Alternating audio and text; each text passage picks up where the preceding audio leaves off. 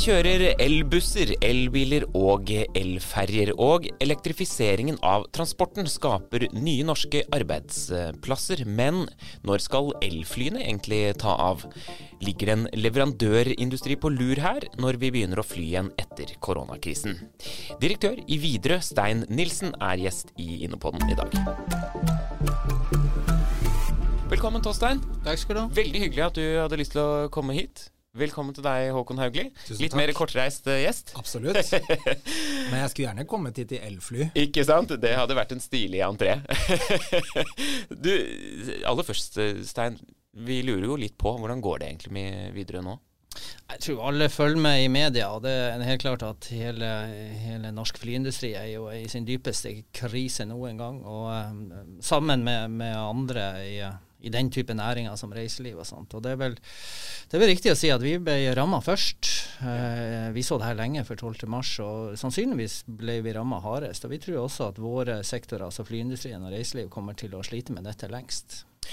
Da vi hadde innovasjonstalen tidligere i år, så, så så vi litt på forskningen rundt dette med krisetid, og, og, og så at ja, det kan slå begge veier. Noen selskaper de eh, gjør nye innovasjonsprosjekter i eh, krisetid for å se fremover, mens andre stopper de innovasjonsprosjektene de har. Dere hadde jo et elflyprosjekt på gang, og så havarerte det, nær sagt.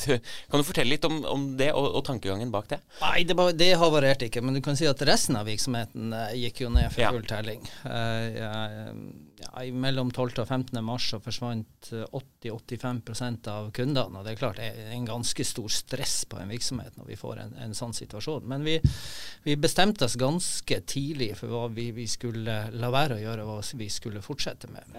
Og du kan si at eh, det grønne skiftet og denne teknologiutviklinga vi ser i vår industri, den har vi kjørt videre med eh, så fort som bare mu har vært mulig under korona. For uh, vi har jo hatt partnere som har vært fullstendig nedstengt, uh, bl.a. borte i Storbritannia. De har ikke fått lov å gå på kontoret og denne type ting. Så.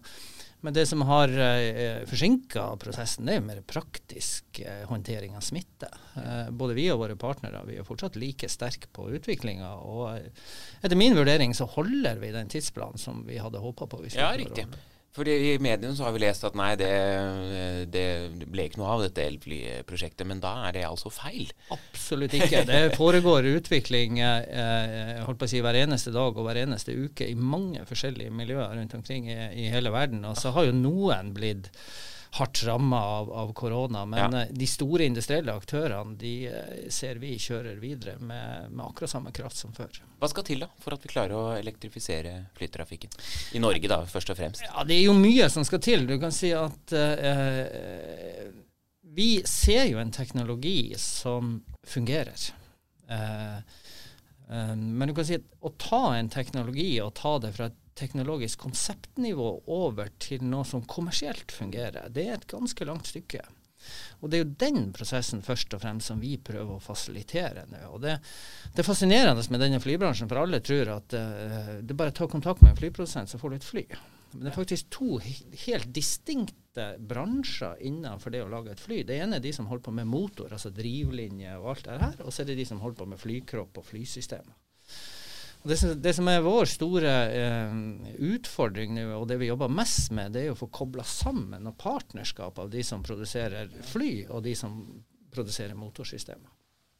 Men eh, vi, vi er jo helt overbevist om at teknologien er der. altså Det er fortsatt noen barrierer som må brytes før du klarer å få kommersialisert det, og ikke minst før du klarer å få det opp i en størrelse som kan, kan være et svar på de mobilitetsutfordringene som vi, som vi faktisk har i Norge. Hvor vil dere da med elfly?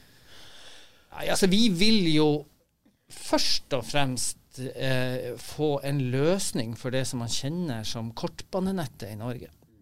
Vi har altså en flyflåte i dag som vi er fullt ut klar over ikke er bærekraftig i et langsiktig perspektiv, sånn rent miljømessig. Det vi gjør i øyeblikket, det er at vi levetidsforlenger denne. Eh, fordi at det er ganske store investeringer når vi skal skifte denne flåten. Det er faktisk så mye som 26 fly. Vi snakker om en 5-6 milliarder investering hvis vi skulle bytte den.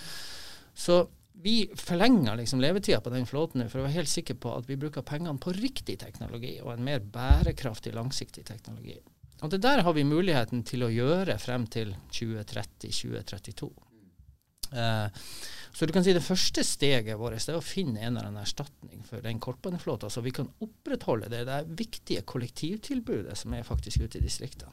For Kortbanenettet det er øh, Vestlandet, Nord-Norge først og fremst, eller hva kan du si? Ja, det er ja. først og fremst. Er, du kan si at vår rolle er jo å ta øh, si, reisende inn fra distriktene og til mer det vi kaller stamruteflyplasser. Bodø, Tromsø, Trondheim, Bergen. Og så er det jo, har det jo vært sånn i det norske trafikksystemet at man har reist videre derifra med litt større fly.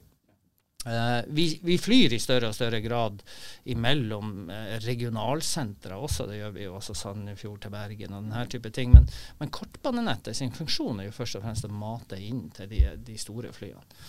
Uh, og her er vi veldig veldig fokusert på å finne en løsning som er bærekraftig. Og, og ambisjonen vår er jo nullutslipp. Ja.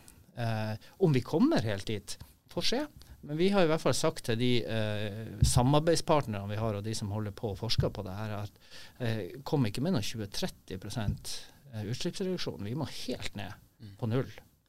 Håkon, det er jo oppløftende å høre disse ambisjonene. da. Hva, hva betyr det for uh, norske potensielle leverandører? Det er jo et, de vil? Eh, ja, altså, bare si først, det er jo et veldig alvorlig bakteppe her av den krisen som nå er i både luftfarten og i reiselivet generelt. og hvor... Uh, det er jo også slik at det er ingen automatikk i at kriser gir innovasjon. Tvert imot så kan det også føre til en nedbremsning fordi bedrifter mangler både økonomiske og kompetansemessige ressurser til å gjennomføre nødvendig endring.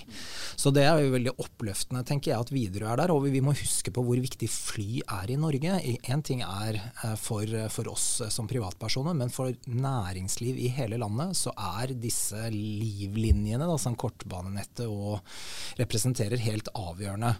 Så, og så tror jeg at um, ja, det er slik at det er noen ting som litt uavhengig av koronakrisen da, påvirker oss, og det er bl.a. krav til uh, utslippsfri transport. Og det kommer til å bare slå tungt inn i alle transportsektorer, inkludert flynæringen. Og Jeg blir veldig oppløftet av dette at teknologien er moden. fordi at det er jo sånn man, Hva er innovasjon? Det er jo at det er nytt, nyttig og nyttiggjort er en sånn vanlig definisjon. Og Ofte vektlegger man det, at det er nytt veldig tungt. Altså oppfinnelsen i seg selv. Men det er jo det når det først når det tas i bruk, eller vi kan godt kalle det kommersialisering, det er jo først da vi har en reell innovasjon med betydning. Og det, det som er Innovasjon Norges uh, oppgave i dette, er å bidra til det vi kan kalle kommersialisering eller skalering da, av løsninger. Eh, ikke bare stimulere til nye oppfinnelser. Så her, dette er spennende og eh, tenker jeg kjempestort potensial. Og Norge har mulighet til å være aller først, eller i hvert fall blant de aller første, som tar i bruk elektrisk lufttransport i eh, stor skala. Ja, hvorfor tenker du det? Jo, det er en sum av flere ting. Da. Det ene er jo at vi har at vi har en aktør som Widerøe, som, eh, som, er både vil og kan. Eh, det, nummer to, det, norske forbrukere har vist seg både å være veldig klimabevisste, men også villige til å adoptere nye tekniske løsninger tidlig. Det er gjennomgående tilfelle. Og nummer tre, vi har myndigheter som har ambisjoner om å få til nullutslippsløsninger. Så summen av de tre faktorene gjør at jeg mener mye ligger til rette for det. Men igjen, det er ikke en automatikk i at dette skjer. men dette er en mulighet for Norge. I tillegg har vi noe annet, og det er spennende å høre med Stein om det. Da. Det er jo en leverandørindustri, altså både innenfor eh, eh, det vi kan kalle kraft, men også innenfor um, uh, engineering, ingeniørfag, så har Norge sterke miljøer. Fordi vi har hatt uh, alt fra olje til, uh, til vannkraft, som kan kobles på denne type prosjekter på en, en, god måte. Men der må bitene i dette økosystemet finne hverandre, da, og det er ikke gitt at det er enkelt. Nei, hva tror du, Stein, er, er det mulig å, å, skape den leverandørindustrien i Norge som dere trenger for å få dette på vingene? Men jeg kan godt tenke meg før vi går dit og tillegge, Det finnes en femte faktor her som er, er helt spesielt med Norge. Fordi at dette kollektivtrafikksystemet som finnes på kortbanenettet, er jo prega av veldig korte flygninger så er faktisk 75% av de strekningene vi flyr på kortbanenettet under 300 km. Og Det gjør jo at dette nettet er ganske unikt og godt egnet for å ta en tidlig teknologi. Eh, som sannsynligvis eh, vil ha en av sine største utfordringer i rekkevidde på fly. Ja, for det er, det er, det er der det ligger. altså De klarer ikke å ha batterier rett og slett store nok til å Nei, så veldig du langt? kan si, vi er veldig overbevist om at neste generasjons mindre fly har en elektrisk motor. Ja. Det som er den, den eh, teknologiske utfordringen, den kommersielle utfordringen, det er hvilken energibærer er bak. Uh, og jeg tror nok alle som kjører eh, batteribil skjønner at det er ganske tungt. Og når du skal flytte deg over lange strekninger, så er det vanskelig å få den matematikken til å gå opp. Um, og Derfor så tror vi at kortbanenettet er veldig veldig godt egnet, fordi at vi har så korte strekninger vi skal fly hele tida. Men jeg, jeg, tror faktisk Norge har uh, gode forutsetninger, med litt vilje, med litt motivasjon og litt fokus til å ta en rolle i denne utviklinga her. Eh, nå er det selvfølgelig sånn at flyselskapene er ganske finansielt svake i øyeblikket, men vi får jo håpe at det går over på et eller annet tidspunkt. Men, uh, men jeg tror jo all erfaring viser at hvis man skal ha denne type teknologiskift, så må man altså lokke, lure og trekke det inn. Uh, jeg tror kundene er klare, jeg tror vi som flyselskap er klare. Så med en viss tilrettelegging så tror jeg at man kan akselerere denne, denne teknologiprosessen uh, inn i kommersiell drift. Og det som, det som, vi er veldig fascinert av, det er jo at Norge har jo eh, både forutsetninger og initiativer innenfor alle de kritiske delene av dette som, som, vi er opptatt av. Altså Fly tror jeg ikke vi produserer i Norge, og flymotorer tror jeg heller ikke vi produserer i Norge. Men vi har jo etter hvert fått et, et utrolig kompetent miljø i Trondheim. Uh, i regi av Rolls-Royce, som driver og tester uh, systemer og, og, skal få det her til å fungere. Og jeg tror en av de mest spennende områdene når vi snakker om at vi skal ha et grønt skifte innenfor transport, er jo hydrogen i Norge. Mm. Men trenger vi de store gigantene, mener du da? Ja, jeg, vi, er helt, vi, er helt, avhengige av det for å, uh, for å, få et sertifisert fly som er klar for uh, holdt på å si Uh, si sånn, har det sikkerhetsnivået som er nødvendig å, å, få. Du kan si I vår bransje så er det ikke de teknologiske innovasjonene som er viktige. Det er prosessen frem til at de kan tas i bruk. Den er ofte veldig veldig lang, og det er jo naturlig. det. Om en bilmotor stopper, så håndterer man det. Altså En flymotor kan ikke stoppe. Hvordan tenker du Håkon, at norsk teknologi kan bidra her, da? Um, så jeg, jeg, tror som, som, eh, som delleverandør da, inn, i, inn i egentlig både globale kjeder, men selvfølgelig også som vi har sett på elektrifisering av mm, på vei, da, på vei at um, det skaper en industri av selskaper som leverer lade, ladestasjoner, reparasjoner osv. Så, videre, og det, det, så det, det er nå det ene. Men jeg tror den virkelig store innovasjonen i sånn samfunnsmessig perspektiv, det er det vi kan kalle en systemisk innovasjon. Det er en sånn omlegging av måten vi driver uh, lufttransport på i Norge. Og det vi har lært om det, det er at uh, vi må både um, jobbe på etterspørselssiden og på tilbudssiden. Og hva mener jeg med det? Jo, det vil innebære f.eks. at en, en dette, Jeg kan ikke luftfarten så godt, men det stiller, er jo noen krav, konsesjonskrav f.eks., som kan tilpasse og si det skal være nullutslipp. Eller en offentlig innkjøper kan stille det kravet at det skal være nullutslipp osv. Og, så og man må Eh, samtidig gjøre, muliggjøre da, på tilbudssiden aktørenes, uh, sette aktørene i stand til å gripe de mulighetene. Dette har vi sett f.eks. innenfor elferger, som er et annet eksempel. Der var det fylkeskommunene som sa vi skal ha utslippsfrie fergestrekninger. Også aktører som Innovasjon Norge bidro gjennom uh, risikoavlastning til at bedriftene kunne gripe de mulighetene. Og det er litt sånn, og Hvis vi ta sjøtransport da, som et eksempel, så er det slik at det er jo ingen som installerer en ladestasjon for eh, skip på en kai før det er et elektrisk skip ute på eh, havet. Mm. Men vice versa, og ingen som investerer i et elektrisk skip før det er en ladestasjon på kai.